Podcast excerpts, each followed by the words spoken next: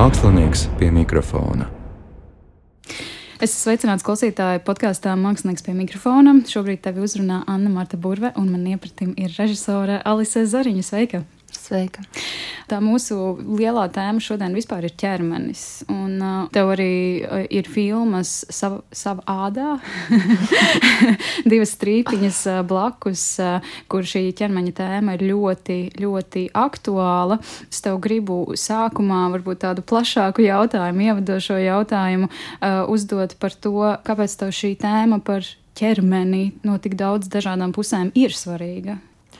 Es, es domāju, ka tas nav tik ļoti stāsts par ķermeni, kā varbūt tas kaut kādā veidā tas ir stāsts tieši par uh, sievietes pašnoteikšanos. Un sievietes ķermenis vienmēr ir bijis milzīgs politisks instruments visos laikos, caur kuru ļoti bieži manifestē jas visādas diskriminācijas un, un, un, un dažādas lietas, sākot no par ko mēs runājam, par kā, patiešām jau noziegumiem, kas arī ir politiski patiesībā šajā gadījumā, beidzot līdz tam, kā mēs sevi uztveram kā cilvēkus un cik ļoti mēs, mēs kā sievietes, ir sevišķi ne tikai, protams, bet ir sevišķi kā sievietes esam sasaistītas ar savu ķermeni kā kaut ko, kam būtu mums jāreprezentē un kaut kā jābūt, jāatbilst.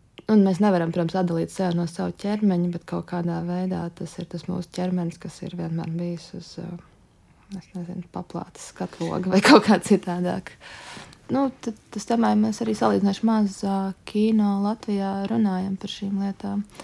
Vismaz man ir tāds sajūta, ka es nezinu, vai pirms divām strīpiņām par abortiem kinematogrāfā Latvijas. Noteikti kaut kas ir pa, pazibējis pieminēts, bet tā, ka tā ir izvirzīta par galveno fil, nu, darba tēma. Man liekas, ka īsti tas nav noticis. Starp citu, varbūt pirms mēs vēršamies vēl tālāk, man ļoti, es arī noskatījos tos divas strīpiņas. Man ārkārtīgi interesants likās vispār tas viss inscenējums, jo tur par tiem abortiem Tu mani izlavoji, es teikšu, nepareizi, bet uh, par tiem abortiem stāsta vīrieši, kuri ir iemiesojušies sievietes ādā. Vai tu varētu pastāstīt vairāk par to ideju tavu? Tā doma, vispirms es vienkārši mēģināju domāt, kā pastāstīt dokumentālus stāstus par abortu pieredzēm, nekādā veidā neievainojot savus varonis. Jo nesen atceries, bija iznākusi Adriānas Rozes un uh, Reba Altiks, laikam, sadarbībā veidot tā vardarbības filmu, kur sievietes runāja tieši par vardarbības pieredzi, un pēc tam uh, viņas pašas, tež, nu, viņam zina, pazina, dzirdēja, kā viņām diezgan bruka virsū par šo stāstu, par šo atklātību. Un man gribējās atrast kaut kādu veidu, kā nu, neļaut tam nu, kaut kādam atklāties sieviešu vainošanai, kaut kādā veidā kā, novērst uzmanību no tā, par ko vispār ir stāsts. Un, un tad likās, ka vai nu aktieri, vai nu animācija. Tad es iztēlojos, kas notiktu, ja mēs šo stāstu tiešām ieliktu vīriešu mutēs. Man bija nedaudz bail, ka tas varbūt būs kaut kā komiski vai muļķīgi, bet īstenībā tas ļoti tiešām kaut kādā veidā nostrādāja un izsita gan tos pašus vīriešus no līdzsvara aktierus, kas to darīja, gan arī skatītāji kaut kādā veidā. Tas kā, nu, mēs stāstam. es pieņemu, ka visu laiku sūdzība par to, ka sieviešu stāsts stāsta vīrieši. Tad šajā gadījumā es, es darīju to pašu, tikai nu, kaut kā apzināti. Man liekas, tas bija ļoti interesants. Es tieši aizdomājos šajā sakarā par to, piemēram, ja pie tavas filmas tiktu nosēdināts cilvēks, kurš uh, Es nezinu, vai ir pareizi teikt, kon ir konservatīvāk domājoši, bet kuram varbūt ir tās kaut kādas um, jau gadu desmitiem, gadsimtiem ilgās tradīcijas, kāda ir tā sieviešu loma pasaulē un kāda ir vīriešu loma. Ja šis cilvēks tiktu nosēdināts pie tavas filmas, vai viņš gadījumā tos stāstus neuzklausītu nopietnāk. Bet es domāju, ka tas nav tikai. Es domāju, arī mēs kaut kādā ziņā, nu, mēs, es un tu, mēs un sabiedrība, neapzināti ja, ir arī man ir kaut kāda šī savā ziņā pieņēmums, ka es esmu arī pieradusi kaut kādu laiku vairāk dzirdēt informācijas no vīriešiem nopietnāk un tā. Un tad, man liekas, tas sev būtu jau labi, ja tie būtu tikai ļoti konservatīvi cilvēki, kas vīriešus uztver nopietni. Protams, mēs šeit varam tikai spekulēt un aizdomāties, bet arī tas nav nepamatoti. Tas ir no visdažādākajām pieredzēm. Es domāju, arī, nu, piemēram, to pašu runātu superforšas pieredzējušas aktrises, kas iestudētu to. Uh, bet tas visticamāk arī kaut kādā tajā sabiedrības kopējā domā, arī man un tev mums liktos droši vien agresīvāk nekā tas tavs inscenējums. Nu jā, nu tur droši tur ir ļoti daudz kaut kādu elementu, jo nu, ja tas sievietes stāsta stāstus ar pieredzēm, kur ir iesaistīti vīrieši, kas um, nevienmēr rīkojušies pareizi, tad man liekas, ka vīrieši, kas šos stāstus klausās, jūtas, kā, nu, tas ir personīgs uzbrukums viņiem, nu, nereti kaut kā gluži intuitīvi. Savukārt, šos pašus stāstus stāsta vīrieši, tad tas uh, nu, kaut, kaut kā veidojas citādāk. Viņi ir spiest vairāk, man liekas, laist iekšā un pastīties, kā būtu. Kaut kādā veidā viņi identificējas ar vīrieti, tieši skatītāji vairāk vīriešu tajā brīdī, kad uh, viņi identificējas ar vīrieti, kas tajā brīdī identificējas ar sievieti, tad mēs esam viņus tikai ietrikojuši beigā lietā. Tas ir vienkārši kaut kāds catch 22. Um, Klautavā filmā savādā. Es pareizi saku, vai tu gribi savādā? Es, es, es nezinu, es, es gribu savādā. es viņu saku vienkārši savādā, bet tur man liekas, ka tā vārdu spēle starp savā ādā un, un savādā noteikti rakstiski strādā labāk. Mm -hmm, mm -hmm. Tad, tad uh, filma, kurā tu sakoji līdzi Uh, un uzņēmi Anci Vilnītu un Lauru Stārnu. Un es pat pierakstīju vienu lietu, ko superīga Laura Stārna, par kuru es arī ļoti fanoju. Viņa vienā brīdī filmā teica, ka ir daļa sabiedrības, kuri nespēja atdalīt kailo ķermeni no seksa. Ja ir ķermenis, tad viņu var ņemt, ar viņu var kaut ko darīt. Un priekš manis tas bija paradoxāli. Priekš manis personīgi, ka es nekad par to nebiju tādā veidā aizdomājusies, lai gan es par šīm tēmām ļoti interesējos un es cenšos. Mm, Klausoties ārkārtīgi daudz, vai nu tie ir podkāsti, vai skatīties kaut kādas konferences, eh, intervijas un tam līdzīgi par šīm tēmām. Bet es sapratu, ka es arī līdz šim vienmēr esmu to ķermeni uzskatījusi kā kaut ko, kas ir jāslēpj un no kā, kā ir jākaunās. Kā tu uztver šo, kā tu varbūt skaties uz ķermeni šodien, ko tev tas nozīmē? Man, es vakarā man bija lekcija kino, bizē, eh, nu, vidēji 15 gadus veciem pusauģiem. Un, uh, man bija kā reiz jārunā par to pašu sievišķo skatienu. Man liekas ļoti interesanti pieredze, kā varbūt tās runāt par seksualizēšanu ar cilvēkiem, kas tomēr ir ļoti jauni. Nu, un, uh, vienlaikus ļoti, man liekas, dzīvot tajā informācijas telpā, kur par to runā daudz vairāk nekā varbūt pat manai paudzei, bet tajā pašā laikā tie ļoti jauni un trausli cilvēki. Un beigās mēs runājām par mītu, un es jautāju kaut kādas sajūtas no, no, no viņiem. Un viena no meitenēm teica, ka nu, viņai žēl, ka nekas par lielam jau nav mainījies pēc tā mītu kustības un tā. Un man tuvojās tas lekcijas beigas, un es domāju, nu, nē, šī tā nevar atstāt. Es saku, nu, kaut kas jau tā kā mainās, vienkārši lēnām, un tie stāsti vēl top, tie stāsti ir jāizstāst un tā tālāk. Un es skatos tagad jauniešiem, vai, vai vispār no seriāliem, kaut vai Netflix kaut kādas lietas, kas ir tieši par to sevis apzināšanos vairāk, kur tās varonas nu, nav pakļautas šim tikai attiecību diskursam vai tikai kaut kādam sevis tur, nu, pievilcības, bet kas ir daudz plašāk un kas skatos. Un, kaut kā baigi gribētos būt uzaugušai pie tāda nu, audiovizuālā materiāla, jo man liekas, ka tad man būtu daudz eh, mazāks kaut kādas traumas eh, vai iekšējās kaut kādas cīņas par, par, par, par to pretrunu, par to, kā es gribētu, lai es uztveru savu ķermeni un kā es viņu uztveru, tāpēc, ka man ir šis kultūras slānis. Un tad viņi man salauza sirdi, jo viņi teica, nē, nu man liekas, ka mūsu paudzei 15 gadniekiem arī tās 2000. gada filmas ir baigi ietekmējušas. Bet nu, es domāju, ka 13 gadniekiem es ceru, ka tajā paudzē gan ir daudz labāk. Es domāju, un es domāju, vai mēs sev vienkārši mierinām, vai mēs vienkārši, vai tas ir veids, kā mēs izdzīvojam šīs visas traumas, tiekam galā ar to visu milzīgo svaru kaut kādā veidā. Mēs saprotam, ka mēs nekad nu, nebūsim tajā pilnīgajā uh, nu, gan racionalizētajā, gan vienkārši emocionālā mierā ar, ar, ar ķermeni un tā uztveru, un tad mēs liekam tos. Nu, Bet nu, nākamā paudze, gan jau viņiem, kad 15 gadiem meitene teica, ka gan jau 13 gadiem, man liekas, ak, Dievs, viņai taisnība, kaut kas jādara. Nē, nē, mēs, mēs nevaram visu laiku cerēt, ka 13 gadnieki no šiem teiks, ka 10 gadniekiem beidzot tas uzskatījumā.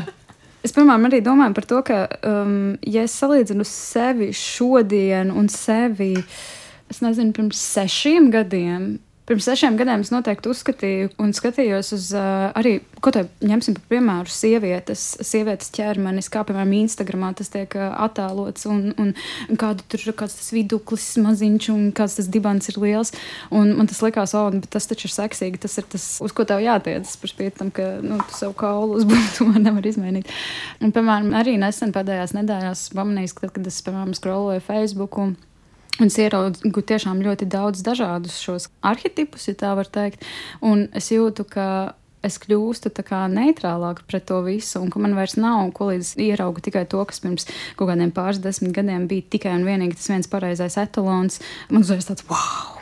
Un pārējiem vismaz paskroloju garām, bet šobrīd es tiešām spēju novērtēt visu. Tāpēc, vai tu arī vari runāt par sevi tādā nozīmē, tu pirms, nezinu, sešiem, desmit gadiem un tu šodien? Tur ir divas atbildes, jā un jā. Bet, Ne, es domāju, ne, viens, kas kaut kāds tas iekšējais personiskais process, es pēc tam domājusi un, un, un, un, un nu, kaut kādā ziņā strādājusi ar to. Strādājusi tajā nozīmē, ka tu strādā ar sevi, gan strādājusi tajā, tāpēc, ka tā ir tēma, ko es pētu un kas man interesē. Uh, bet nu, otrs ir tas, ka ir tieši tie pēdējie gadi, man liekas, tomēr baigi daudz ko nesuši. Līdz ar to arī ļoti liela pretreakcija, protams, katra mazākā izmaiņa un kaut kāda apšaubīšana esošiem statusam nāk ar baigiem protestiem. Bet, uh, Bet man liekas, ka ir kaut kas notiek, tiešām tā sakustēšanās pēc mītū un vispārēji pēc 18 gadu ir kaut kas pišķiņi noticis kaut kādā tajā apzinātībā, ka mēs varbūt tās, varbūt mēs pat nedarām neko, varbūt mēs pat tik ļoti nemainām, bet mums kā, kā sabiedrības apziņā ir pēkšņi kaut kas nav kārtībā ar mūsu sieviešu uztveri, ja varēja būt tik daudz šādu stāstu. Un, nu jā, tagad man liekas arī tieši vairāk cilvēku kaut kā skatās, un, un, un, tad, un līdz ar to tā dažādība ienāk nu, caur, caur, caur arī sieviešu tēliem, sievietēm, ko mēs redzam. Man, protams, būtu gribējies domāt es neesmu tik vienkārša. Man liekas, es diezgan ilgi domāju, ka nav tā, ka es tur redzu, tāpēc, ka reklāmās ir skaistas un tievas un seksīgas sievietes, es gribu viņas, viņas, viņas būt, un, un ka filmas mani tā ietekmē. Man liekas, nu, tas taču tā nav, nu, tas ir absurdi. Bet man liekas, tikai tad, kad tu sāc redzēt šo dažādību, un kad tu saproti, kā tev pārmainās tava uztvere un izveidos kaut kādas pilnīgi citas kategorijas, kuras tev nav bijušas.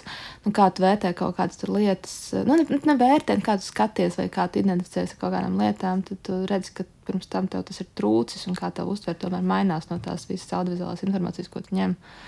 Un tad un mēs meklējam, nu, mēs skatāmies uz citām lietām, lai meklētu veidu, kā identificēties. Un, ja mums ir tikai šī viena lieta, ar ko identificēties, tad mēs par katru cenu cenšamies iespiest sevi tajā ķermenī, nu, kas mums neatbilst, bet mums neviens nedod pielaikot neko citu kaut kādā ziņā. Tas ir Džons Bērčers, kas, kas, kas bija mākslas zinātnieks, kas 70. gados teica to teikumu, ka uh, vīrietis skatās uz sievieti un sieviete skatās, kā vīrietis skatās uz viņu. Un, uh, nu, kas, kas definē to, ka to tu uztveri, nu, kad mēs jau esam pieraduši skatīties uz sevi caur šo pašu nu, vīrišķo prizmu visu laiku. Un, uh, attiecīgi atrast savu identitāti. Varbūt īstenībā, varbūt nevis kāpēc tas ir izveidots, bet īstenībā atrast savu identitāti tajā uh, brīdī, kad tev nav īstu atspērienu punktu, jo tu skaties tajā vēsturē, un cik tālu tu redz vēsturi, tikmēr ar kaut kādiem maziem mm, nebūtiskiem izņēmumiem kāds cits ir definējis, kādai ir jābūt sievietei. Un tagad ir tagad 2022. gads, pieņemsim, ka tev neviens tā kā nesaka Protams, ka saka, bet nu, pieņemsim, pieņemsim ka tev neviens nesaka, kādai tev vajadzētu būt. Tagad tev ir jāpaņem šī baltā lapa un jāpasaka, kas es gribu būt. Ja visus, ko es jebkad esmu skatījusies, ir tas, kādas uh, sievietes, šī nu, ne vīrieši, bet šī patriarchālā sabiedrība vēlas, un vai es vispār varu uztaisīt šo savu nu, iekšējo kaut kādu zīmējumu vai schēmu un atrast, atrast to ceļu. Un, un vīriešiem tas nav. Un, vai tu esi ievērojis, kā vīrieši taisa selfijas? Vīrieši, kad taisa selfijas, viņiem ir tas izbrīnītais, tāds apjukušais un mazliet tāds jautājošais skatiens. Vai šo jādara šādi? Jo viņi nezina, viņi nevar paņemt telefonu, viņi neredz savu attēlu, viņiem nav pēkšņi, viņiem neuzkrīt kā, nu, tik nenormāli tā bagāža, kādam ir jābūt pievilcīgam vīrietim. Pirmkārt, tur ir daudz lielākas variācijas, otrkārt, tas nav, nu, tas nav tik dogmatiski. Uh, Treškārt, tas nav pats svarīgākais vīrietim. Vīrietim nav vispirms jābūt skaistam. Neviens viņam nav teicis, esi vīrietis skaists. Bet nu, viņš jau drusku arī grib. Nu, mēs visi drusku gribam būt skaisti. Tur jau nav problēma. Un viņš vienkārši tā. Šitā? Un tas, tas ir vienkārši visiem vīriešiem viens selfijas skatiens. Tas ir tā, ah! vai, es, es daru pareizi? Un, ja paskatās uz sieviešu selfijiem, tad viņas kopē, nu, to, nu, viņas kopē citas sievietes, kas ir iemācījušās nu, operētajos seksuālajos kodos un tā tālāk. Viņas skaidri zina, ko viņas grib panākt. Viņām varbūt, varbūt viņām labāk sanāk izskatīties tā, kā viņas grib, vai sliktāk un tā tālāk, bet nu, ir pilnīgi skaidrs tas mērķis. Un man liekas, ka selfija brīnišķīgi parāda, kā, kā, kā mēs esam kā, iemācījuši dzimumiem sev uztvert. Es nekad nebiju Nākamais, kad redz vīriešu selfiju, padomā par to. Jā, jo es nekad viņiem baigi nepievēru. Bet, zinu, ko, zin, ko es tikko iedomājos? Es nekad vīriešiem, nu, tādos sociālos tīklos, kur šos selfijas liek, es nekad neesmu pievērsus uzmanību. Ja kāda mana, es nezinu, bijusī kursa biedrene akadēmijā, kāda kolēģa darbā ieliek kādu bildi, man uzreiz tāds mm, mm, jāizskatās viss. Nu, es pavadīšu pie tās bildes par piecām sekundēm ilgāk nekā pie kaut kāda vīrieša bildes. Es to tikko sapratu, kas nemaz tam. Nu, jā, nu, tāpēc, ka tev ir bagāža, caur kuru vērtēt, caur kuru izvērtēt, caur kuru izprast nu, šo sievieti, kā viņa izskatās, nu, kādā veidā. Nu, kā nu, tu ies un pierakstīsi vai kursu biedrenai, kāda tu skaista. Un tagad aizēj, aizēj un pierakst savam senajam kursu biedram, kāds tu smukiņš. Pirmkārt, viņš domās, ka kā, viņš nopietni koļī, otrkārt, viņš būs ļoti apmulsis. Nu, kā, mēs jau nu, kā, nu, vīrietis negaida šo nu, vērtējumu nu, kaut kādā ziņā, kas, protams, Nu, es domāju, tikai varbūt selfiju kultūra vispār nav tāds, ko mums vajadzētu ārkārtīgi lepoties kā sabiedrībai, bet nu, tur ir ļoti daudz ko pasakot par mūsu nu, paš, pašu uztveri un, un, un, un citu pašu uztveri. Man tas arī sasaistījās ar to, ko mēs ar Mariju Linārtu pirms pāris epizodēm runājām. Mm, arī par to seksismu teātrī. Viņa konkrētāk runāja tieši, ka tur vīrieši bieži vien palaiž rokas un tur var pieskarties tavu krūtīm un dibenam. Un man tas sasaistījās arī ar to, ka es ar savu mammu vienreiz runāju par to, tā teikt, roku patvaļību. Un es viņai teicu, ka es vienmēr drausmīgi samulstu un tikai vienreiz mūžā esmu pateikusi, nepieskaries, man tā nepatīk. Un mamma teica, ah, bet zini, kā es agrāk darīju, es liku vīriešiem roku uz ceļiem, tad, kad viņš man kaut kā tā izdarīja, un pēkšņi viņam ir tā kā šoks. Jā, no viņa pārbīst. Nu, tādā ziņā es, es, es esmu paskrējusi uh, vecrīgā pakaļ vīrietim, lai viņam iesist pa dibenu atpakaļ, uh, un es esmu kaut kādiem kā, remontdarbiniekiem, kas kā, kliedz man piezīmes, apstājusies un teikusi, nu, tad darām kaut ko, un viņi arī ļoti samulsuši. Bet tā lieta jau ir tāda, ja vīrieši zinātu, kā tas ir. Viņi to nesaprot, tāpēc ka viņi ikdienā nesaņem šādu veidu komplimentus, atzinību un tā tālāk.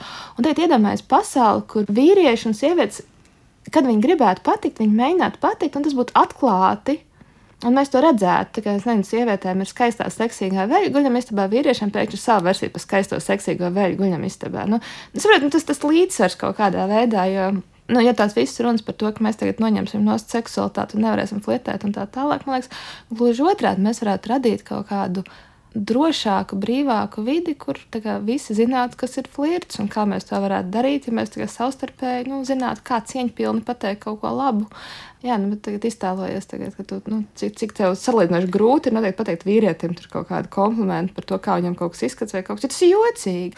Vai tu esi interesējies par dzimuma tēmu kā sociālu konstruktu? Jo man tas kaut kādā veidā arī šis sasaistās ar to, jo tas, ko tu minēji, un, piemēram, uh, iedomājies pasauli, kurā sievietē ir seksīga apakšveļa guļama istabā, un arī vīrietim ir seksīga apakšveļa savā guļama istabā. Un, protams, jā, mēs varam nošķirt, ka ir šie bioloģiskie dzimumi, bet uh, man liekas, ka tā problēma ir tas, ka tas tas bioloģiskais dzimums ir aizgājis totālā priekšplānā, un šim bioloģiskajam dzimumam ir piešķirta konkrēta loma, kā kaut kādā izrādē, kas tev ir jādara un kas tev un kā tev ir jābūt. Un patiesībā tas, ko tu minēji par tām seksīgajām apakšvaļām, tas tikai vēl vairāk, man liekas, pierādītu to, ka ja mēs noņemtu šos kaut kādus dzimumu konstruktus nost, tad, man liekas, pasaule būtu krāšņāka, dažādāka, krietni pieņemošāka. Es domāju, ne, nu kā mēs tādā ziņā, protams, mēs zinām, pieņemam daudz vairāk to sievišķību kā performanci.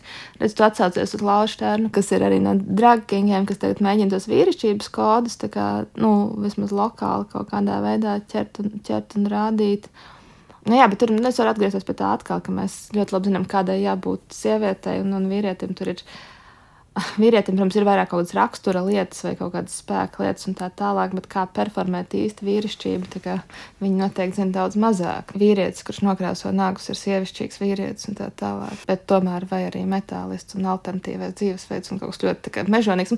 Nu, viņiem nu, tur ir daudz neskaidrāk tā, tā, tā visa līnija, man liekas, bet. Uh, It kā varētu teikt, ka feminisms ir kaut kāda veida, veida vēlme atbrīvoties no šī sociālā dzimuma, tā kā nu, uzstādītajām dogmām, stigmām un tā tālāk.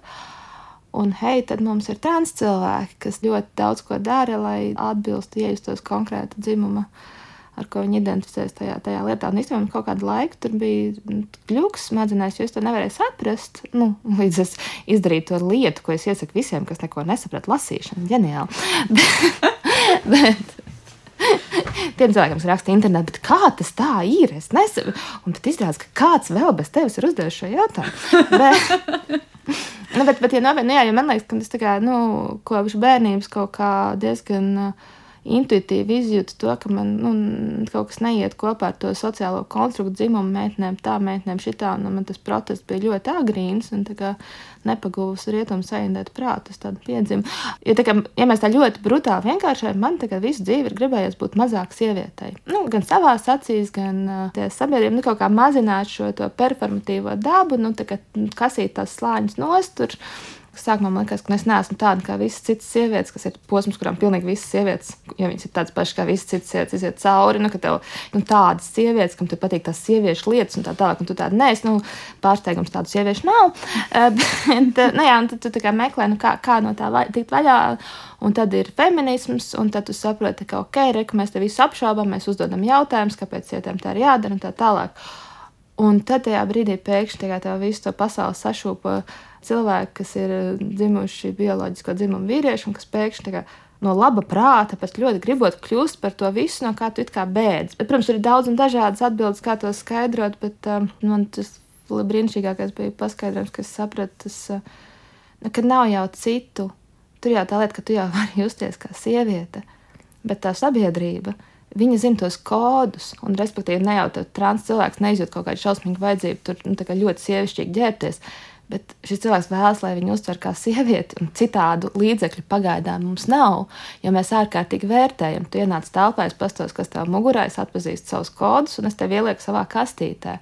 Un tajā brīdī es saprotu, ka mums ir pilnīgi viena tā vēlme, mums ir vēlme visiem tā kā ka mums nav tas galvā tā kaut kāda problēma, ka tu jūties kaut kā citādāk un no tevis sagaida kaut ko citu.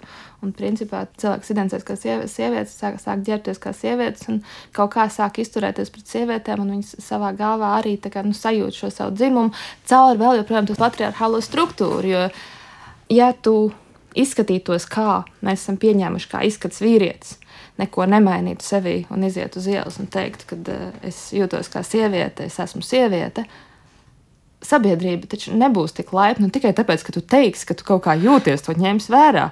Viņi teiks, nē, performē tagad, nu, uzvelc pareizo kostīmu, viņi nu, uzvedies atbilstoši. Un tad, nu, un tas ir nu, skaidrs, ka viens cilvēks to nevar nest, bet tas, tas gala vēlme ir vienkārši nu, būt tam, kas tu esi, un īstenībā performēt pēc iespējas mazāk. Nu, tādā ziņā, ka nu, mēs ar tevi performējam kaut kādu sievišķību, kas mums ir iemācīta, un ar kur, nu, to daļu, ar kuru mēs nejūtamies komfortabli. Un, uh, arī tāpēc, ka mēs zinām, ka tā ir jādara un to no mums sagaida. Un tas, jā, tas, tas eh, kaut kā baigi garbi. Man liekas, tas tik, tik īstenībā tik vienkārši atbilde uz tik uh, jautājumu, kas tev likās nu, kaut kāds nesaprotams. Mm -hmm. bet, nu, kad, kas vainīgs beigās patriarchija, ha, ha, pārsteigums. Tas man liekas, tā, nu, salīdzinoši nesen pēdējos gados, ko es vai, vai, vairāk domāju, mēģināju saprast.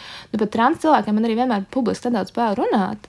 Tāpēc, ka man, es nepazīstu daudz trans cilvēkus, man bail sajaukt latviešu valodā viņš, viņa un ko darīt ar nebināro. Un man nav šīs pieredzes un, un, un, un kaut kā tādas zināšanas, man ir zina, ka ļoti maz. Un tagad, teiksim, ar LGBTQ uh, komuniju tā vairs nejūtos. Jo, kāpēc? Tāpēc, ka šie cilvēki man ir draugi, viņi ir apkārt, mēs kopā ejam praidos, es viņus pazīstu.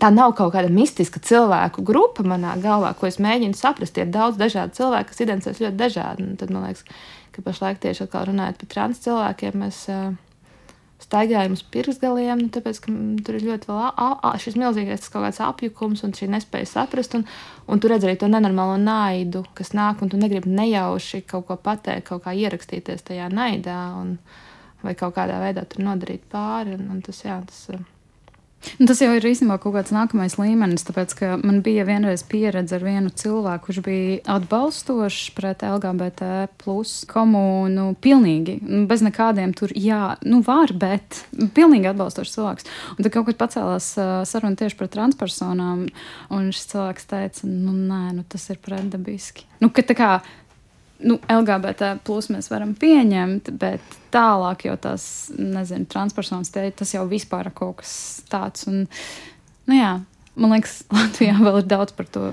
Nu, jā, mēs tikai tik, tikko vispār kaut kā sākām nu, iziet no kategorijas joks, naids. Nu, tā kā tur vispār, vispār tā saruna eksistē, jo tieši tā arī tur tā, tā redzamība. Un, nu, nu, mums tā cilvēki tiešām ir maz, un tur nav komu, nu, Es domāju, ka lielā mērā mums nav arī LGBTQ komunas, jo tad viņi arī veido ārkārtīgi dažādi cilvēki. Bet, nu, tur vismaz ir organizācijas, kas to dara un ņemās un tā tālāk. Un tad savukārt šīm lietām mums vienkārši. Mums ne tikai trūkst izglītība, mums trūkst vārdu, mums brutāli trūkst vārdu. Mēs, protams, varam tā kā, un pieņemsim, mēs te paņemsim koncertīvo skatījumu, mums nevajag tādus vārdus, jo tādu cilvēku nav un tā tālāk. Un tā tālāk. Bet mēs vēl joprojām neesam tā vientuļā sala, un tāpēc tas uh, bija filma, um, Čīles filma, kas bija nominēta pirms pāris gadiem. Uh, un saņēma Oskaru. Uh, fantastiska sieviete, fantastiskā sieviete, kas ir par trans sievieti.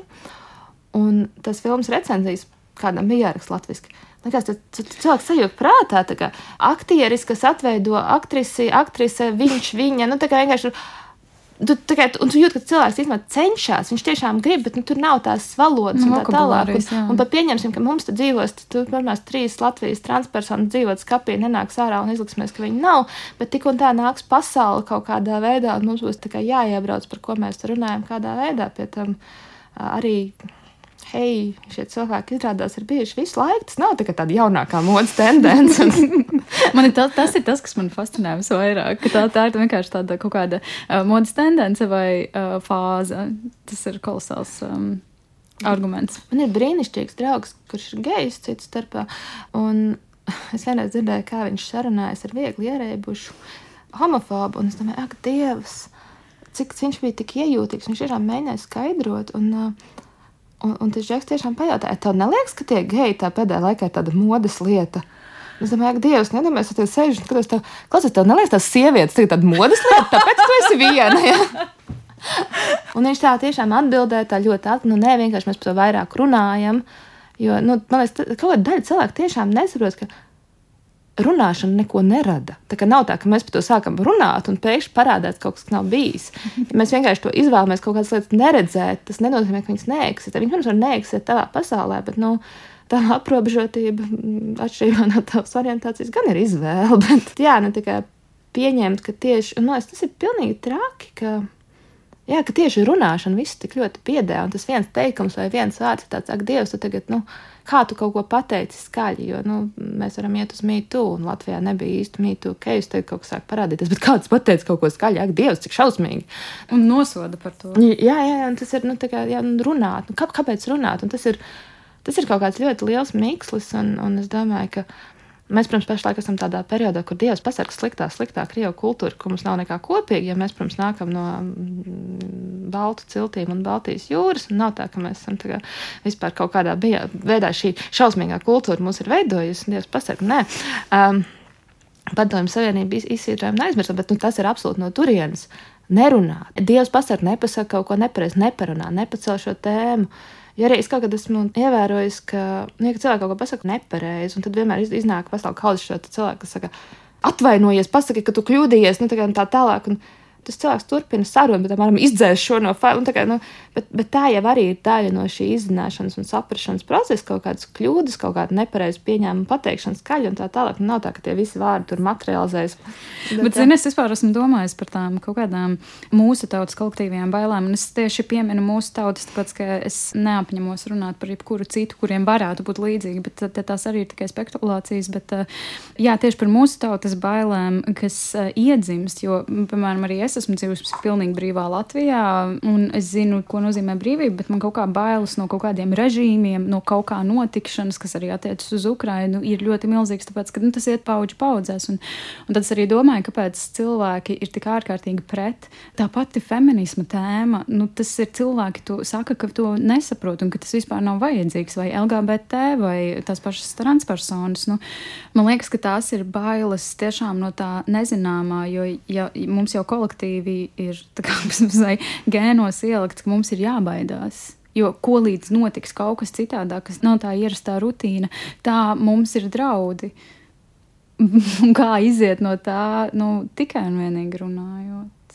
Bet jā, nu, smieklīgi. Konservatīvi cilvēki ļoti grib saglabāt latviešu valodu, bet ļoti negrib runāt. Es vēlētos atgriezties pie tiem konstruktiem, un tu minēji, ka tu jau no agrā vecuma jūties, ne, vai gribēji būt mazāka sieviete. Tā tu teici? Jā, liekas, ka jā. Man interesētu vairāk, vai tu varētu pastāstīt par šo aspektu, kurā brīdī tas sākās, un vai tas tev tā, nāca tā kā tīri dabiski, jo man, man tiešām fascinē cilvēki mūsu tā kā tajā kaut kādā kultūras augsnē uzaugot, kas var tā pateikt. Es domāju, ka es, es pie, pie, piedzimu ar saindētu ar visām rietumu vērtībām. Jo es arī es uzzināju, nu, kā, kā, no kurienes nāk gaļa. Es ļoti labi atceros un es ļoti ilgi raudāju un ļoti pārdzīvoju. Es tiešām ļoti agrā vecumā izlēmu, ka es mēģināšu būt vegetārietis. Nu, es vienkārši tā kā, man liekas, briesmīgi, nu, nabaga gotiņa, negribu tā. Es taču varu neēst gotiņu, lai gotiņa dzīvo. Man bija pieci gadi, man liekas, tagad wow. šie, šie uzskati tā būtiski nav mainījušies. Protams, es domāju, ka es romantizēju kaut kādu savu pieredzi stāstu, un gan jau tur daudz apstākļu, ko es neatceros. Tā, bet uh, par to meiteņu lietām. Ziniet, es neesmu. Ir, ir vesela kaudze sieviešu, kas kā, es bērnībā spēlēju tikai ar puikām. Man patīk LEGO. Es biju pārāk par visām citām meitenēm. Es neesmu tāda kā visas meitenes. Nē, puikas man negribēja spēlēties, es neizlikšos. Bet uh, tas, es, ne, es nebiju. Es, ne, es lasīju daudz grāmatas, biju introverta un nemācēju kā, nokāpt no kopa, kad es uzkāpu. Kā, man nebija šī nu, kā, identificēšanās kaut kādā veidā ar, ar, ar otru dzimumu un kaut kādas kā, drīzāk nu, kaut kādas lietas, kad tu saproti, ka nu, droši vien tāpat ir vairāk gotiņas netaisnības sajūta, ka tev kaut kas ir jādara tikai tāpēc, ka tas ir meitene. Nu, un to es uzreiz nesapratu. Man tas nelikās kopā, jo man liekas, arī nav zudušas šis jautājums, nu, kāpēc. Un tad tu saproti, ka tu diezgan ātri to, to pieaugušo cilvēku vari iedzīt tajā kāpēc stūrī, jo tur nav nekāda kāpēc. Tāpēc, ka tā ir pieņemts, tāpēc, ka meitenes tā nedara, tāpēc, ka meitenes tā dara. Būtu jau baigi forši, ja piecos gados, vai nē, man ir taisnība jums visiem priekšā. Nē, nē, nu, protams, ka kaut kas tev ļoti kā, paliek, un tas tā kā, tā kā, bet arī par mājturību, piemēram, mēs tagad ļoti daudz runājam, bet atceros, ka pirmā mājturība kaut kādā, kad nu, sadalīja pirmo reizi puikas šīs mainīs, bet pirmā reakcija bija, bet, ka, nu, tas nu, nemēģina man nekādu sensu, tam tas ir absurdi, kāpēc, nu, kāpēc, lai mēs visi negribētu iemācīties visu, nav, ne, atkārtoši, man nav nekāda tehnisko spēja vai kaut kas, bet, bet varbūt tieši tāpēc, nu, kāpēc, kāpēc lai es neietu un tur nemācītos tādas lietas. Bet, nu, protams, kaut kāda manas daļa pieņēma. Jo man, man liekas, ka visos bērnos ir gan daudz kāpēc, un šis te, un gan tā vajadzība patikt un iederēties. Un tā, tā ir tā cieņa, kas tev turpinās kaut kādā pieaugušā vecumā. Bet, bet es arī atceros, ka es izdomāju, ka vienīgais iemesls, kāpēc nu, es varētu. Tomēr domāju, ka būt meitnītē ir labāk, ir tāpēc, ka tās smukās kāzu klētas ir un, un puisīšiem visu laiku jāvelk tie uzvalki. Un tas tā šausmīgi, nu, nē.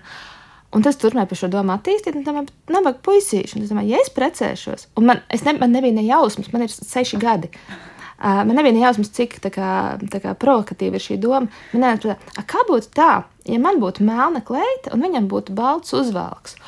Un ka mēs apmainītos, un ka tas būtu tā interesanti, un tas būtu ne, ne tā kā visiem citiem. Un, Man liekas, es to domu atceros. Es saprotu, ka nu, kaut kādā tādā veidā, kā es iztēlojos to, nu, ka tā kādas klēta ir vairāk tas vīriešu, tas tēps, un man ir vairāk tas uzvalk imitācija. Es tikai pēc daudziem gadiem sapratu, ka droši vien ir ļoti maz vīriešu, kam es tāpat klausies, man tāda fanu doma. Viņi teikt, jā, droši, droši viņš kāzās, kāpēc ne? Tā, tas, tas, tas nebūtu neapšaubāmi man vīrišķi. Man, man liekas, es pat nevienam vīrietim neesmu ierosinājis, nu, kā tādu domu, jo es uzreiz saprotu, kas būs tā reakcija. Bet kā bērns, es nesaprotu, kā bērnam man liekas, spēlējamies. Cik es saprotu, šis bija tādā mazā vecumā, 5, 6 gadi. Uh -huh. ja? Pusaudzība laikam ir tas brīdis, kad tiešām ļoti, ļoti daudz kas sasvārstās. Es atceros, ka es diezgan skolas laikā piespiedu sevi vēl kaut kādus piekļuvušas bikses un piekļuvušas krāklus tikai tāpēc, lai būtu vairāk sievieti, jo es bieži vien jutos nu, nekomfortabli savā ķermenī, tas, protams, arī bieži vien bija vienkārši tāpēc, ka es vilku nepareizās drēbes, tādas, kuras man tiešām neliek justies komfortabli. Līdz ar to tas, kas man neliek justies komfortabli, uzreiz zūd pašpārliecinātība par sevi. Vai tev kaut kas sasvārstījās pusauģu gados attiecībā uz šo, vai tomēr tu esi gājis tādā kontinuālā līnijā? Jā. Nē, nē, noteikti. Es domāju, man pirmkārt, viss ēšanas traucējumi vispārējais nāca pusauģu gadiem. Un tad ir tā romantiskā vēlme, nu, kas tu gribi patikt nu, pretējiem dzimumam šajā gadījumā. Un vienkārši pat cilvēkiem. Tad jau tu gribi kaut kā atbildēt. Man liekas, nu, tad, tad, tad jau, nu, man liekas, tieši tāpēc, ka tas bija pirms skolas, un neviens man nebija izdarījis tādu pārāk lielu tādu sociālo spiedienu grupās. Bet, nu, jā, pēc, pēc tam, kad es skolēju, tad viss mainās. Jo, Man liekas, ka skolā tad es diezgan ātri gāju. Es neesmu tāda kā visas citas sievietes posma vai kaut ko tādu. Bet no otras mācījos līdzekļā, un, un, un mums tomēr. Man vēl joprojām bail kaut ko skaitu teikt par līdzekļu. Man ir 35 gadi, man neviens neliks tā kā rakstīt paskaidrojumu. Bet mums bija ļoti nu, prestižā lieta skolas, ka mums jābūt ļoti reprezentabliem, un tad nevajadzēja arī ģērbties kaut kā. Un tad viens no protestu veidiem bija vilkt vilk pārāk īsas klētas un tad tikt sauktiem pie, pie direktora. Tagad tur, tur bija kaut kas vēl cits, nu, kaut kādā ziņā. Jo, Kāpēc to vispār saku? Tāpēc, ka man liekas, tur ir tās divas lietas. Viens, tas ir tā pārmērīgā seksualizācija, kaut kādos brīžos viņa tev ir uzspiesta. Un kaut kādos brīžos, kā, man liekas, tev, tu kā, to dari kaut kādu iemeslu dēļ, tāpēc, ka tu tā gribi. Man liekas, man tā pašpildāta seksualizācija sevis bija ļoti kaut kāds arī protesta instruments. Man liekas, nu, manā galvā, protams, ka tu pakļaujies kaut kam, ko no tevis sagaida. Tas nav īsti protesta instruments, bet man liekas, ka tur bija gan, gan, gan pret to skolu, un es ģērbos diezgan izaicinoši, diezgan ilgi. Kaut kas man tur patika tajā sajūtā, ka jūs varat par manu apģērbu, par manu izstrādāt viedokli, kas nav saistīts ar manu personību, un kas ir interesanti kaut kādā ziņā. Kaut kādā veidā, nu, man liekas, tagad es arī to daru citādāk. Neapzināti, ne, man nav vairs pusauģis tendences provocēt, bet vienkārši nu, es esmu krāsaini, man mēdz būt zaļi mati un kaut kas tāds, un tu jūti, ka tas pirmais tas skatiens, ka tu jūti, ka tev vērtē. Un tajā brīdī, kad tu piedalies tajā spēlē, nu, kur tu nevari uzvarēt, viņā nepiedaloties, tu reizēm viņā var piedalīties un skatīties, nu, kā kā tie kaut kādi iespaidi un sajūtas mainās. Nu, vienalga, vai tev liekas, ka esmu viegls uzvedības sieviete tikai tāpēc, ka es esmu tā saģērbusies, vai tev liekas, ka es esmu nepietiekami inteliģents savam darbam, tāpēc, ka man ir zaļi mati. Tas viss ir. Un tad brīnišķīgi grāmata, kur es neatceros autoru, ko es nesen lasīju.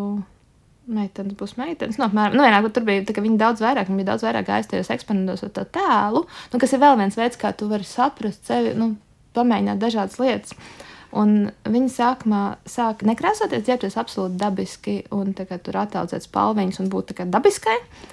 Un viņa teica, ka uz viņu tā kā nu, nenormāli daudz cilvēku atskatījās par kaut kādām lietām. Viņa jūt, ka viņai tur pievērš uzmanību, nu, kaut vai tu nezini par padušu spalvām vasarā un tā tālāk. Un tad viņa izdarīja to lietu, ka viņa noskavās gluda, aizgāja uz solāriju, salika to milzīgo make-up un uztaisīja to šausmīgi performatīvo lietu. Un viņa saprata, ka cilvēks viņus vēl neskatās. Un tas ir tik jocīgi, nu, ka tu esi tas, nu, kāds tu esi. Tad cilvēks tas tā kā šokē. Bet viņai bija visādas lietas, no kurām es kaut ko esmu paņēmusi, pieņemsim nevis atteikties, bet tiešām tā spēlēšanās ir tas, nu, spēlēšanās ir tas viens kaut kāds sadzīvošanas veids, nu, pieņemsim, nogriez vienas rokas nagus. Un nekrāso, un otrais uztaisīja beigu kaut kādu krūto manikīru, pieaudzē nagus. Tad tur ir kaut kāda ļoti jocīga lieta, kā tu izaicini to domāšanu, jo cilvēki tev vairs nevar, nevar ielikt kastītē, jo, nu, viņi skatās tām rokām, viena roka tāda, otrs tāda, un tagad ieliec man kastītē. Vai nu es esmu tā bārbija ar tiem garajiem nagiem, vai tā sieviete ar to neku, jo es esmu abas, un, un ko tu tagad izdarīsi? Un, un tādā ziņā man liekas, tas ir tāds realistiskākais veids, kā nu, runāt ar sevi un saprast sevi. Bet es aizgāju tālu, saku, drēbēm tieši runāt ģērbšanos. Bet jautājums, piemēram, pusauģis gadā, gad, gados pie šo visu problēmas noteikti es jutos resna un neglīta un viss bija slikti. Patīk, kādā veidā tu to pasaki. Noteikti, jā, šitā un tā un tā. Tas jautājums, kas šeit uzreiz rodas par šo tēmu, ir Nu, vai tas ir svarīgākais? Vai tiešām tur ģērbšanās, vai, vai kaut kādi manikīri, vai spalviņas, vai tas tam ir tāda nozīme, vai ne? Mēs jau te ejam par diskrimināciju, vardarbību un algām, un ko jūs tad nu, ākstaties, tad krāsojat dažādu roku nagus. Bet tas arī, nu, pirmkārt, tev ar kaut ko ir jāsāk. Tas ir viens, un otrkārt, ka tu izaicini, nu, feminisms un spalviņas nevajadzētu būt baigi lielajai lietai. Bet kaut kādā veidā tas brīdis, tik līdz tu bišķiņi izaicini tos, nu, vienkārši tu, tu meklē kaut kādus redzamus veidus, kas nav tev pārāk pāri daroši. Jo, sorry, aiziet tagad publiski izstāstīt stāstu, kā kādam ir bijusi šausmīga seksuāla vardarbība, pieredzējis šausmīga, šausmīga trauma kas tev palīdz kaut kādā veidā, iespējams, pietiekami stiprs, tikt pāri kaut kādām pieredzēm. Tu dabū milzīgu sabiedrības kaut kādu beklišu, varbūt tev ir tuvinieki, kas uzskata, ka tev nevajadzēs ir tā tālāk. Bet, ja tu nokrāso divus dažādus nagus, no kuriem viens ir vīrišķīgs, otrs ir sievišķīgs, un tu saki, ka es gribu nedaudz parunāt par savu ķermeni šādā veidā, nu, tas ir daudz vieglāks, daudz redzamāks, daudz rotaļīgāks veids. Un, un kaut kādā ziņā tu arī vari ar šiem nagiem uzdot jautājumu, cik man būtu jāpelna ar šo roku un cik ar šo. Nu, es nezinu, tas ir kaut kāds gaišums vai vieglums, tur nedrīkst pazust. Uh, tādā gadījumā tas ļoti netaisnīgs apvainojums, ka kāpēc jūs visu laiku esat tik karēvīgs un dusmīgs, kāpēc jūs runājat par tik nesvarīgām lietām. Nu, tā kā nu, nekad nebūs labi. Jā, jā bet, bet runājot par, kā, par tik sievišķīgām lietām, kā ģērbšanās un, un, un nagi, varbūt tas, tas kādam ir tas pirmais solis par to ķermeni runājot, arī ļoti iedomājos par uh, seksualitātes tēmu, jo Nu, tā kā, kā mēs varam runāt, ka pēdējā laikā arvien vairāk un vairāk runā tiešām nu, par to sievietes iekāri, kas man patīk, kas man nepatīk, kā es sevi redzu kā seksuālu būtni. No vienas puses, jā, man liekas, bet no otras puses arī nē. Bet kā tev liekas, vai tev pieder tavs ķermenis? Tas ir ļoti Es domāju, ne pilnīgi, pilnībā droši vien, ka nē, nu, kaut kāda noteikti vairāk nekā agrāk, kaut kādā veidā. Bet, uh, es, es domāju, ka tur man bail, ka viņš man piederēs, un tad es nomiršu. Kā, tā kā beidzot būs izcīnījis visu to savu garo cīņu. Tā. Un tagad mēs šo lietu, ar ko mēs esam izcīnījuši, visu to garo cīņu atstājam. Tas bija nedaudz pesimistiski. Bet tā ir tā cīņa, vai ne? Es, es piemēram, arī domāju, Netflixā m, mm, bija tāda, iespējams, tur arī redzējis, iespējams, tu uz to atsaucies Sex Education, uh -huh. tas seriāls, kas man likās burvīgs, jo tas ir par uh, vidusskolēniem, kuri pirmo reizi atklāja vispār, kas ir seks, kas ir seksualitāte.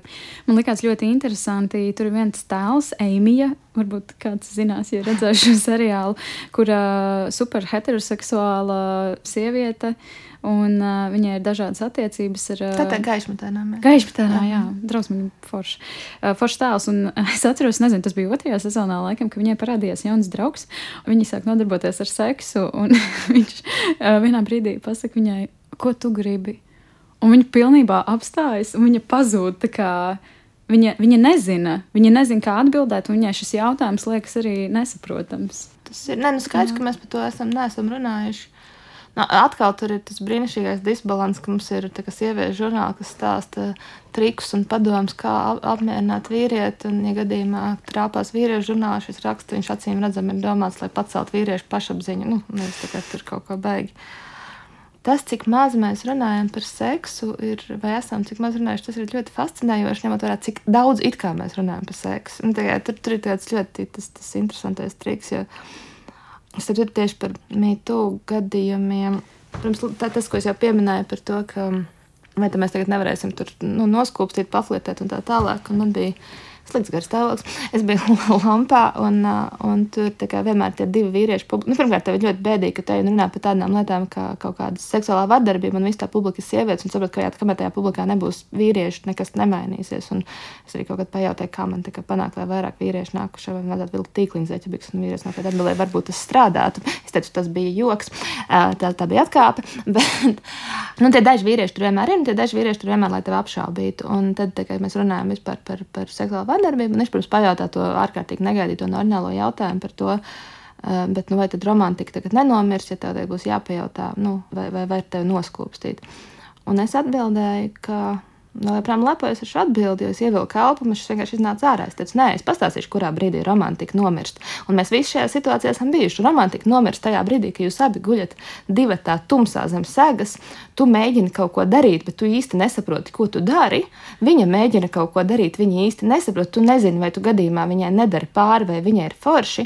Un jūs domājat, ja vien būtu kāds veids, kā mēs varētu uzzināt, ko otrs cilvēks vēlas, ja vien būtu šī iespēja pajautāt. Un tad mēs to nedarām, jo mums ir bail, mums ir kauns. Un tas ir tas brīdis, kurā nomirst romantika. Nevis tas brīdis, kurā cilvēkam pajautā, vai tu gribētu, lai es tev noskūpstu. Tas tiešām, tas, tas, tas vēl joprojām lepojas ar to mirkli.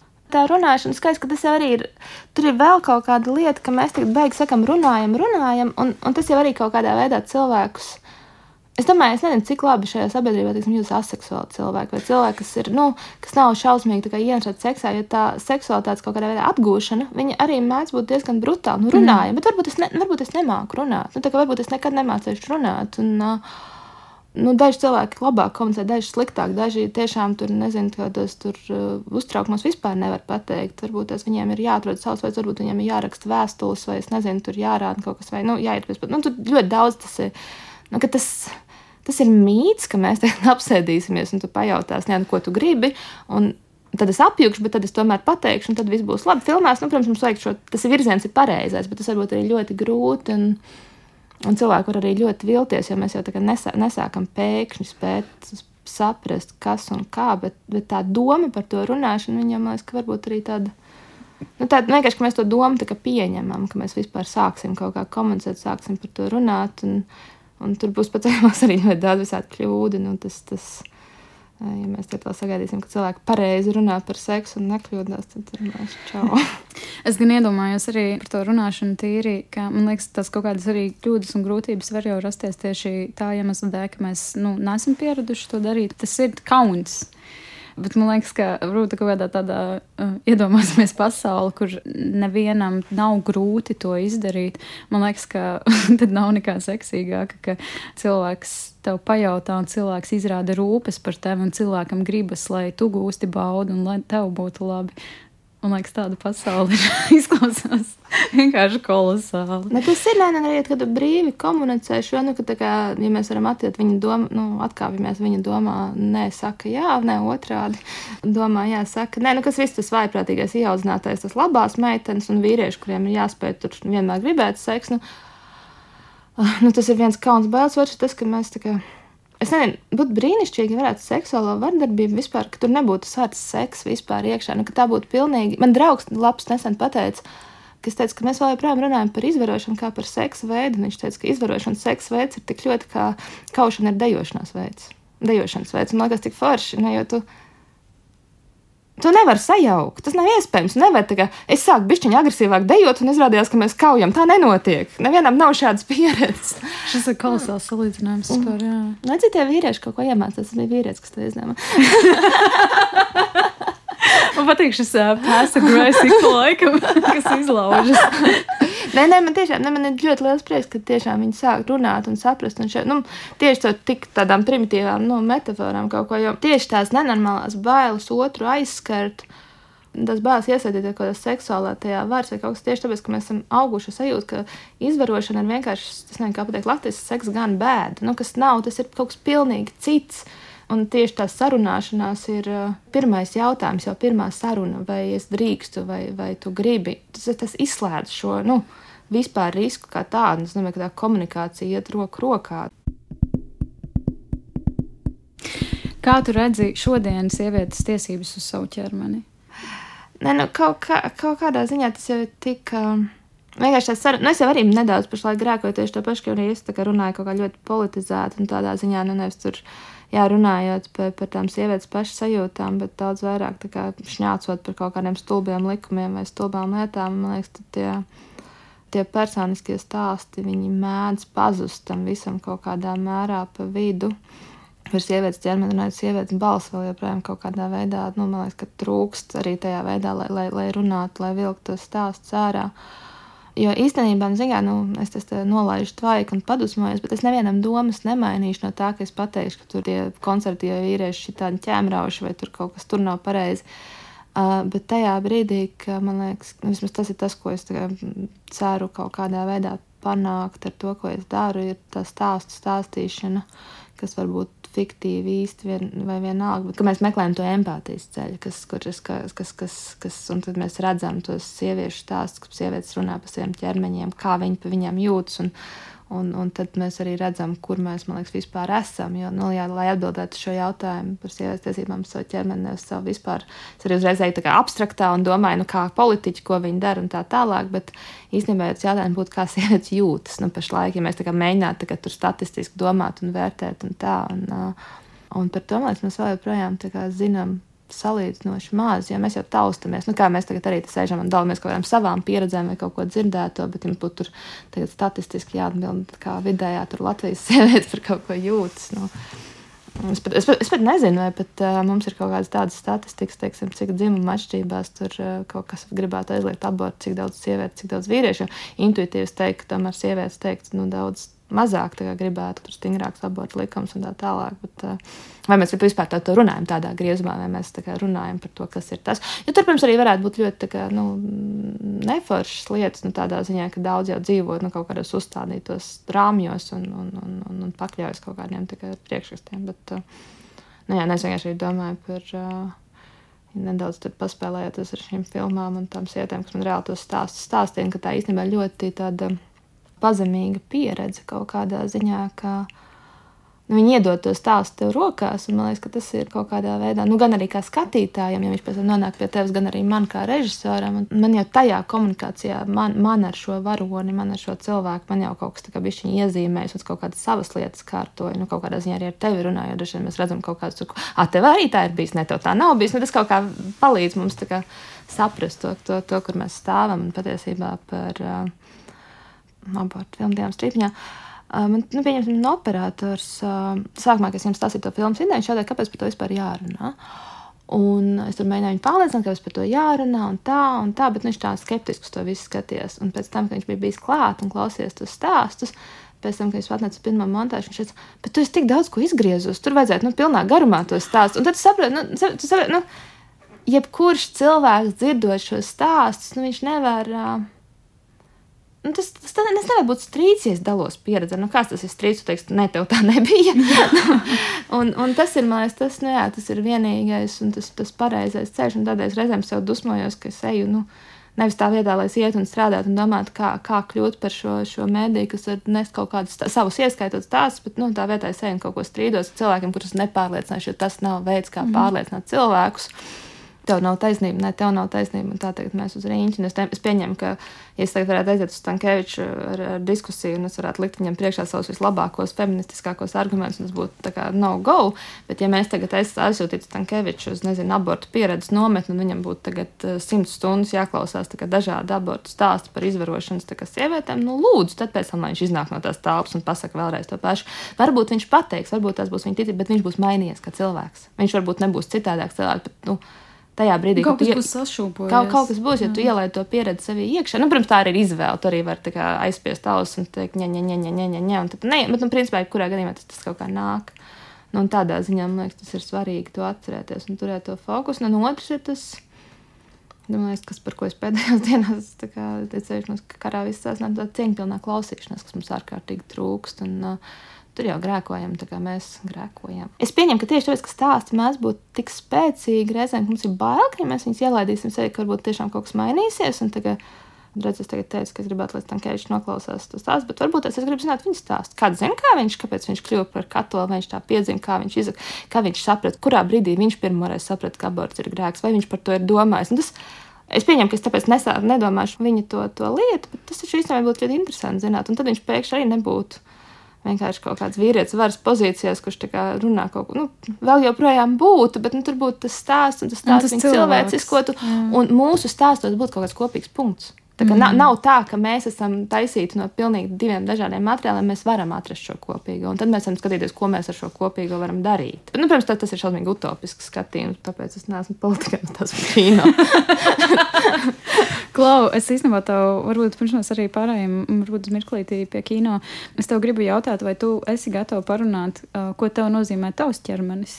Nu, es, es domāju, ka tāpēc es kaut kādā mērā par tiem mēšanas traucējumiem esmu mēģinājis šeit runāt. Es, ne, es domāju, ka es nekad tā sevi nepieņemšu kaut kādā beigā pilnībā. Es, es mēdzu teikt, jokēt, ka tajā brīdī, kad kā, beidzot es mierā ar savu ķermeni, teiksim, no kakla uz leju, un kā es samierināju, tad pēkšņi to sāk nokrist seja, un tad tu paliec vecs, un tad atkal kaut kas, nu, tā kā, tā kā, tas tur vienmēr kaut kas, tā kā, tā kā, tā kā ir. Jo tad, jo, es esmu tā kā visu dzīvi cīnījusies ar kādiem tievuma resnuma šitām lietām, esmu kaut kā viņas pārvarējusi. Bet, Bet tajā brīdī, kad man ir pār trīs, nu, ah, vecums, jauna tēma, šis man arī viss ir iemācīts kas ir jādara ar sievietēm pēc 35 gadu vecuma. Es visu to zinu, un tagad mēs sāksim no sākuma, un tagad mēs lēnām to visu ķibināsim vaļā. Ak, jaunības kults, cik interesanti! Visus šos daudzos gadus tas man ir bijis, un es to neesmu zinājis. Nu, tas, tas ir tā kā pilnīgi bezjēdzīgi. Es pieņemu, ka ir vēl kaut kas, un es domāju, ka tāpēc tas pieredzes ar ķermenis, kas ir tik ļoti daudz un dažādas, un izdīlo ar vienu un nāk kaut kas cits, jo nu, tur. Uh, Tā, tādā ziņā tas, man liekas, ir tāds mū, mūža garumā, baigā, baigā cīņa. Bet, nu, Ko tu teiktu, ja tad, kad tu minēji, ka tev ir 35 gadi, man bija tāds, nevar būt, viņa izskatās tik jauna. es ar šito tagad, es cenšos, citu, šitā ir viena, kas ļoti cenšos iemācīties, tā kā nedējot tās dēļas, ka tev pajautā to, nu, pērkot alkohola dokumentus. Jo man liekas, ka nu, es cenšos tajā spēlē, vairs ne, kas ir grūti. Man gribas iesaistīties tajā spēlē, jo nu, Tu izskaties tik jauni, paldies, vai ne? Bet, mm -hmm. bet man, tas nav kompliments. Nu, teorētiski. Pirmie, man liekas, tas vispār paudzes. Mēs sākam izskatīties visi daudz jaunāks dzīves kvalitāti un viss, bet, bet tam, nu.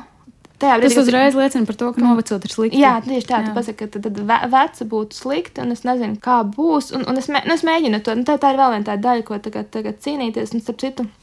Es mēģinu ieraudzīt tās labās lietas, novecošanu. Es pilnīgi redzu, kā 55 gadus veca sieviete šo klausās un klusiņām smējas un saka, to vēl redzēt. Bet, nu, eh, bet ne, pirmkārt, man, es cenšos eh, tikt vaļā no jaunā pirms mana vārda, nu, tur jaunā režisora, jaunā kaut kas, jo man liekas, ka šī ir tendence, it sevišķi sievietes turēt jaunā, un tad viņa būs tā kā, nu, jau vecā. Nu, kā, nē, es esmu tagad. Visi cilvēki, kas man sauc par jauno, nē, nē man ir 35, es esmu tieši tur. Ja. Bet, nu, ja, nu, tā kā, bet nu, no otrs ir tas, nu, tā cilvēku uztvere, nu, ka, ja tu gribi kaut kādā veidā izlikties jaunāks, tu arī lieto kaut kādus tos pieņemtos jaunības kodus, un viens no jaunības kodiem ir kaut kāds spēka trūkums. Eh, spēka par sevi pastāvēt, nu, tur eh, spēka pateikt, ko tu domā. Tu mēģini arī tur neiet tajā, ka tas arī ļoti jauniem cilvēkiem runāšu, ka mēs būtu vienādi. Kas ir tāda milzīga vēlme, vai tas esam visi jauni? bet vienkārši, nu, tas skaties, nu, tas tiešām 35 nav ne jauns, ne vecs, manuprāt, bet um, Jūs saprotat, ka tur ies tālāk, un tev tur priekšā būs tās visas vēl cīņas, nu, kas arī tur. Kā, bet no nu, sevis tas redzams flībēgi. Jā, un tur, oh. un tur ir tā brīnišķīga aina, kur viņi tajā bārā stāsta par, par, par, par to, ka, nu, par, par, par menstruācijām. Par, par menopauzi, jā, jā, kā ir, kā ir būt nu, tajā otrā pusē, nu, ka tu vairs neesi tā Tu, tu, tu pirms iet pēc 50, nu, neeksistē vīriešiem kā sieviete, pieņemsim, nu, varbūt 55, nu, nu kur tas mainās. Bet, nu, tagad, tagad tu vairs neieej bārā un acis tev tā kā tur nepievērš vai kaut kas, un pēkšņi no tā brīva. Un, ka, protams, ka pirmā reakcija ir. Um, šausmas, cik bēdīgi. Tas, jo tas jau ir tas, ko viņi visu laiku draudēja. Nu, novērtēt tos komplimentus, tu būsi vecāks, tev viņi nebūs. Mm -hmm. Tas ir mhm. tipiskais, nu, tas, tas, tas viens no tām mēsliem, ko tu saki. Un tad, un tad iedomājamies, ka varbūt tā ir pasaule, kur ja tu iemācies nu, laicīgi kaut kā pieņemt, ka tiešām esi brīva no ļoti daudz sociālajiem konfliktiem kaut kādā veidā. Un tad galvenais nu, neielaist tos jaunos, nu, kas ir atkal tas vecums saistītais. Tu esi režisore un kino, un es tev vēlos jautāt par to kaut kādu sievietes atspoguļojumu tieši uz ekrāna. Vai tu vari parunāt par to? Nu, es, es domāju, ka pirmkārt, mēs runājam par eh, sākot jau Latvijas kino sievieti uz ekrāna, tas, tas tur, tur vispār būs baigi, baigi traki, jo mums uh, tiešām mm, ir filmas lielākoties līdz šim ļoti izteiktā pārsvarā veidojuši vīriešu režisori un sievietes operatoras. Vispār mums praktiski, laik, laikam, vienai filmai vai divām kaut kas simts gadu laikā ir pazibējis pusē, nu, kaut kas tāds ļoti maz mākslas filmas tieši. Uh, nekad nevajag novērtēt par zemu to cilvēku, kas tur kameru Jo es arī kā sieviete režisore, kas strādā visu laiku ar, op nav sieviešu operatoru, ļoti maz viņu ir.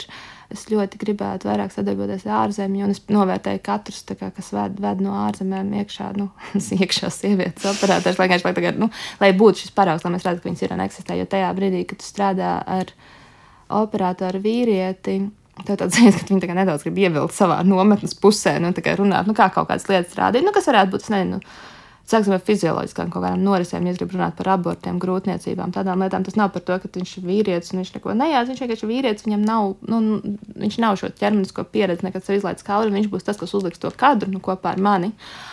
Un, un tāpēc kaut kādā ziņā es esmu diezgan daudz tieši par tiem kadriem domājusi, nu, lasījusi, interesējusies par to veidu, kā.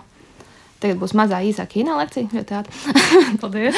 Bet, tieši par to, kā mēs eh, redzam sievietes uz ekrāna un kā tas tiek panākts tieši ar kaut kādiem kadriem un gaismām. Nu, tu droši vien zini, ka savulaik sievietes gaismoja tur mīksti, maigi, un vīrieši gaismoja tiem spilgtajiem, asajiem vaipstiem, nu, kas jau mums iedeva šo sajūtu, ka sievietes ir vēl trauslākas un gaišākas. Nu, vēsturiski šo paņēmienu ārkārtīgi daudz, un mēs viņus tā esam pieraduši, ka mēs viņus tā kā neredzam. Nu, mēs, ja tu skatīsies, kā rāda vīrieti uz ekrāna filmās, nu, ņemsim Holivudu, pieņemsim, lai mums tā kā nav jāatrunā visas tā kā indiju filmas un tā, tad visticamāk vīrietim būs seja un krūšs, nu tā kā tāds tūplāns, kur mēs redzam viņu seju līdz, līdz, līdz kaut kam, bet sievietes ļoti bieži tiek iepazīstināts pa ķermeņa daļām. Vai nu mēs ar kameru šļūcam augšā pa kājām, vai nu mēs parādām tur, reku viņi iet un groza dibeni. Nu, viņi kļūst uzreiz par to cilvēku, kam ir tā nogrieztā galva, arī ļoti zināms kadrs.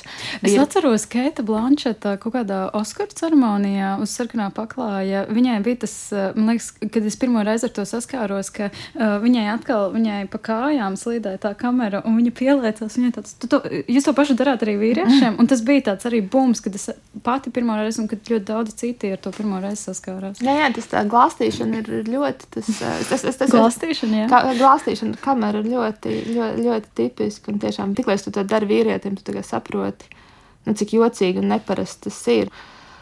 Un uh, varas attiecības kā tādas, mēs kā skatītājs skatāmies caur vīriešu acīm. Lai mēs redzētu to, kas notiek uz ekrāna, mums jā, jāiziet cauri trim vīrišķo acu pāriem. Uh, sanāk, ka pirmais ir, nu, kā, nu, pieņemsim, mums tur ir sieviete, ko mēs redzam kā objektu, kur mēs pašlaik redzam kājas. Tad mēs vismaz kadrā redzam vīrieti, kas uz viņu skatās, no nu, ko mēs tagad identificēsimies.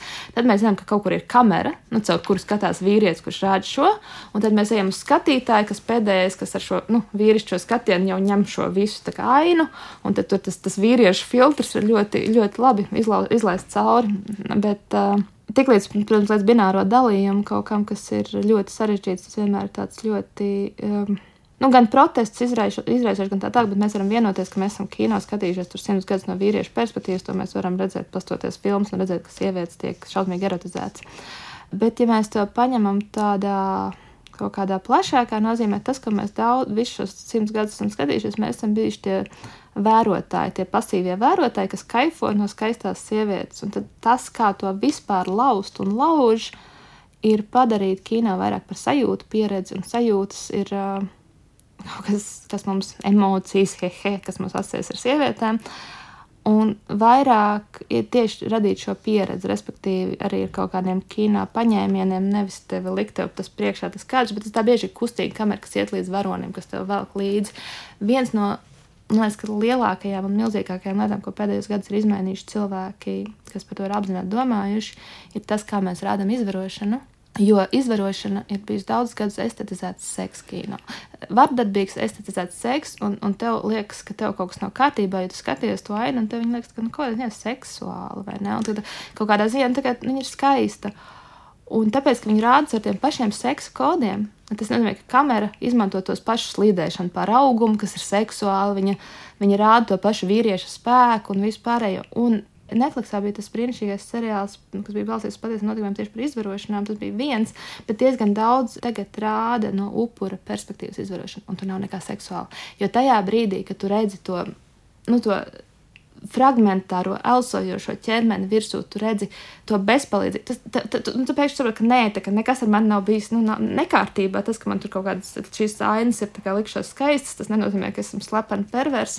Tas nozīmē, tas nozīmē, ka man ir tas rādīts kaut kādā pilnīgi un absolūti vājprātīgā veidā. Mm. Un īstenībā skatīties šīs te, es domāju, nu atkal tur ir kaut kas ļoti Jo pieņemsim, ka mēs kā sievietes esam lielākā daļa bijuši kaut kādās nu, seksuālās vardarbības situācijās, un mēs spējam identificēties to sajūtu un kaut kādā veidā uh, nu, redzēt viņu kā godīgu attainojumu kaut kādām mūsu pieredzēm. Savukārt vīrieši saprot, kas tas ir, un viņi arī sāk saprast, kad mēs runājam. Nu, tas, tas, tas, tas, ko es laiku kliedzu, izvarošana nav seks, un mums, nu, tas, ir, tas ir veids, kā kino to ir ļoti kultivējis. Un, uh, un, protams, tas nav vienīgā sliktā lieta, ko kino ir kultivējis par visām kā pavest sievieti un tā tālāk. Bet, nu, jā, bet kad tu to pieredzi tādā veidā, tad saproti, ka tas ir arī par to, kā mēs to rādām. Bet tā kā mēs esam skatījušies visu savu dzīvi kino, kas to rāda, ne tā.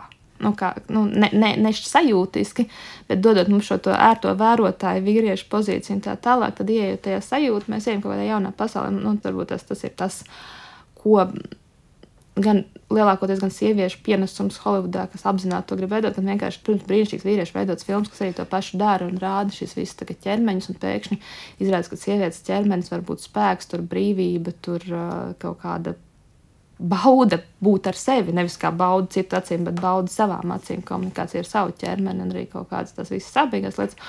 Tad, kad es kaut ko daru, daru veidoju, filmēju, man tas tā, tā ir baigā cīņa, tikt vaļā no tā, kā tu zini, kā līdz šim ir rādīts un kā meklēt to ceļu uz to, nu jā, uz tos savu sievišķo to perspektīvu kaut kādā veidā, nu, lai tā kā nejauši neieslīd, neobjektificē vēlreiz vai kaut kā tā. Nu, tas, jā, tas ir kaut kas pēc tā kā iepazīt to, ko tu vispār neesi pazinis bez mazliet no jauna. Tā. Tas ir, jā, jo tas ir ļoti, protams, tas ir eksistējis atkal visās underground vai kaut kādās mazajās vai feministu kino, bet tas ir bijis kā, ļoti kā arthouse vai eksperimentālais kino ļoti bieži. Nu, kaut kas tāds, kas tā kā tev neasociēs ar, ar kā stāstu stāstīšanu, mm -hmm. nu, kas ir klasiskais kino, klasiskais kino ir stāstu stāstīšana. Un tad, uh, Un man liekas, ka 70. gados vēl feministu kino teorētiķis bija diezgan pārliecināts, ka tas nemaz nav iespējams. Nu, daļa, ka nevar tajā klasiskajā to integrēt iekšā, tāpēc, ka tas viss ir pārāk patriarchāli. Un tad man liekas, kaut kādā ziņā, nu, tāpēc vajag to pilnīgi kaut ko citu mēs jaucam. Un kas ir kaut kas radikāls, mēs kaut ko jaucam un būvējam no jauna. Tas, ko tagad dara pamatstrāmas kino, ir mēģināt tomēr tos kodus likt iekšā. Paldies par šo nelielo kino lekciju. Tas tiešām ļoti izgaismojoši. Klau, Alisas, noslēgumā vēlos te pajautāt, vai tev ir kāds atvedvārds novēlējums klausītājiem?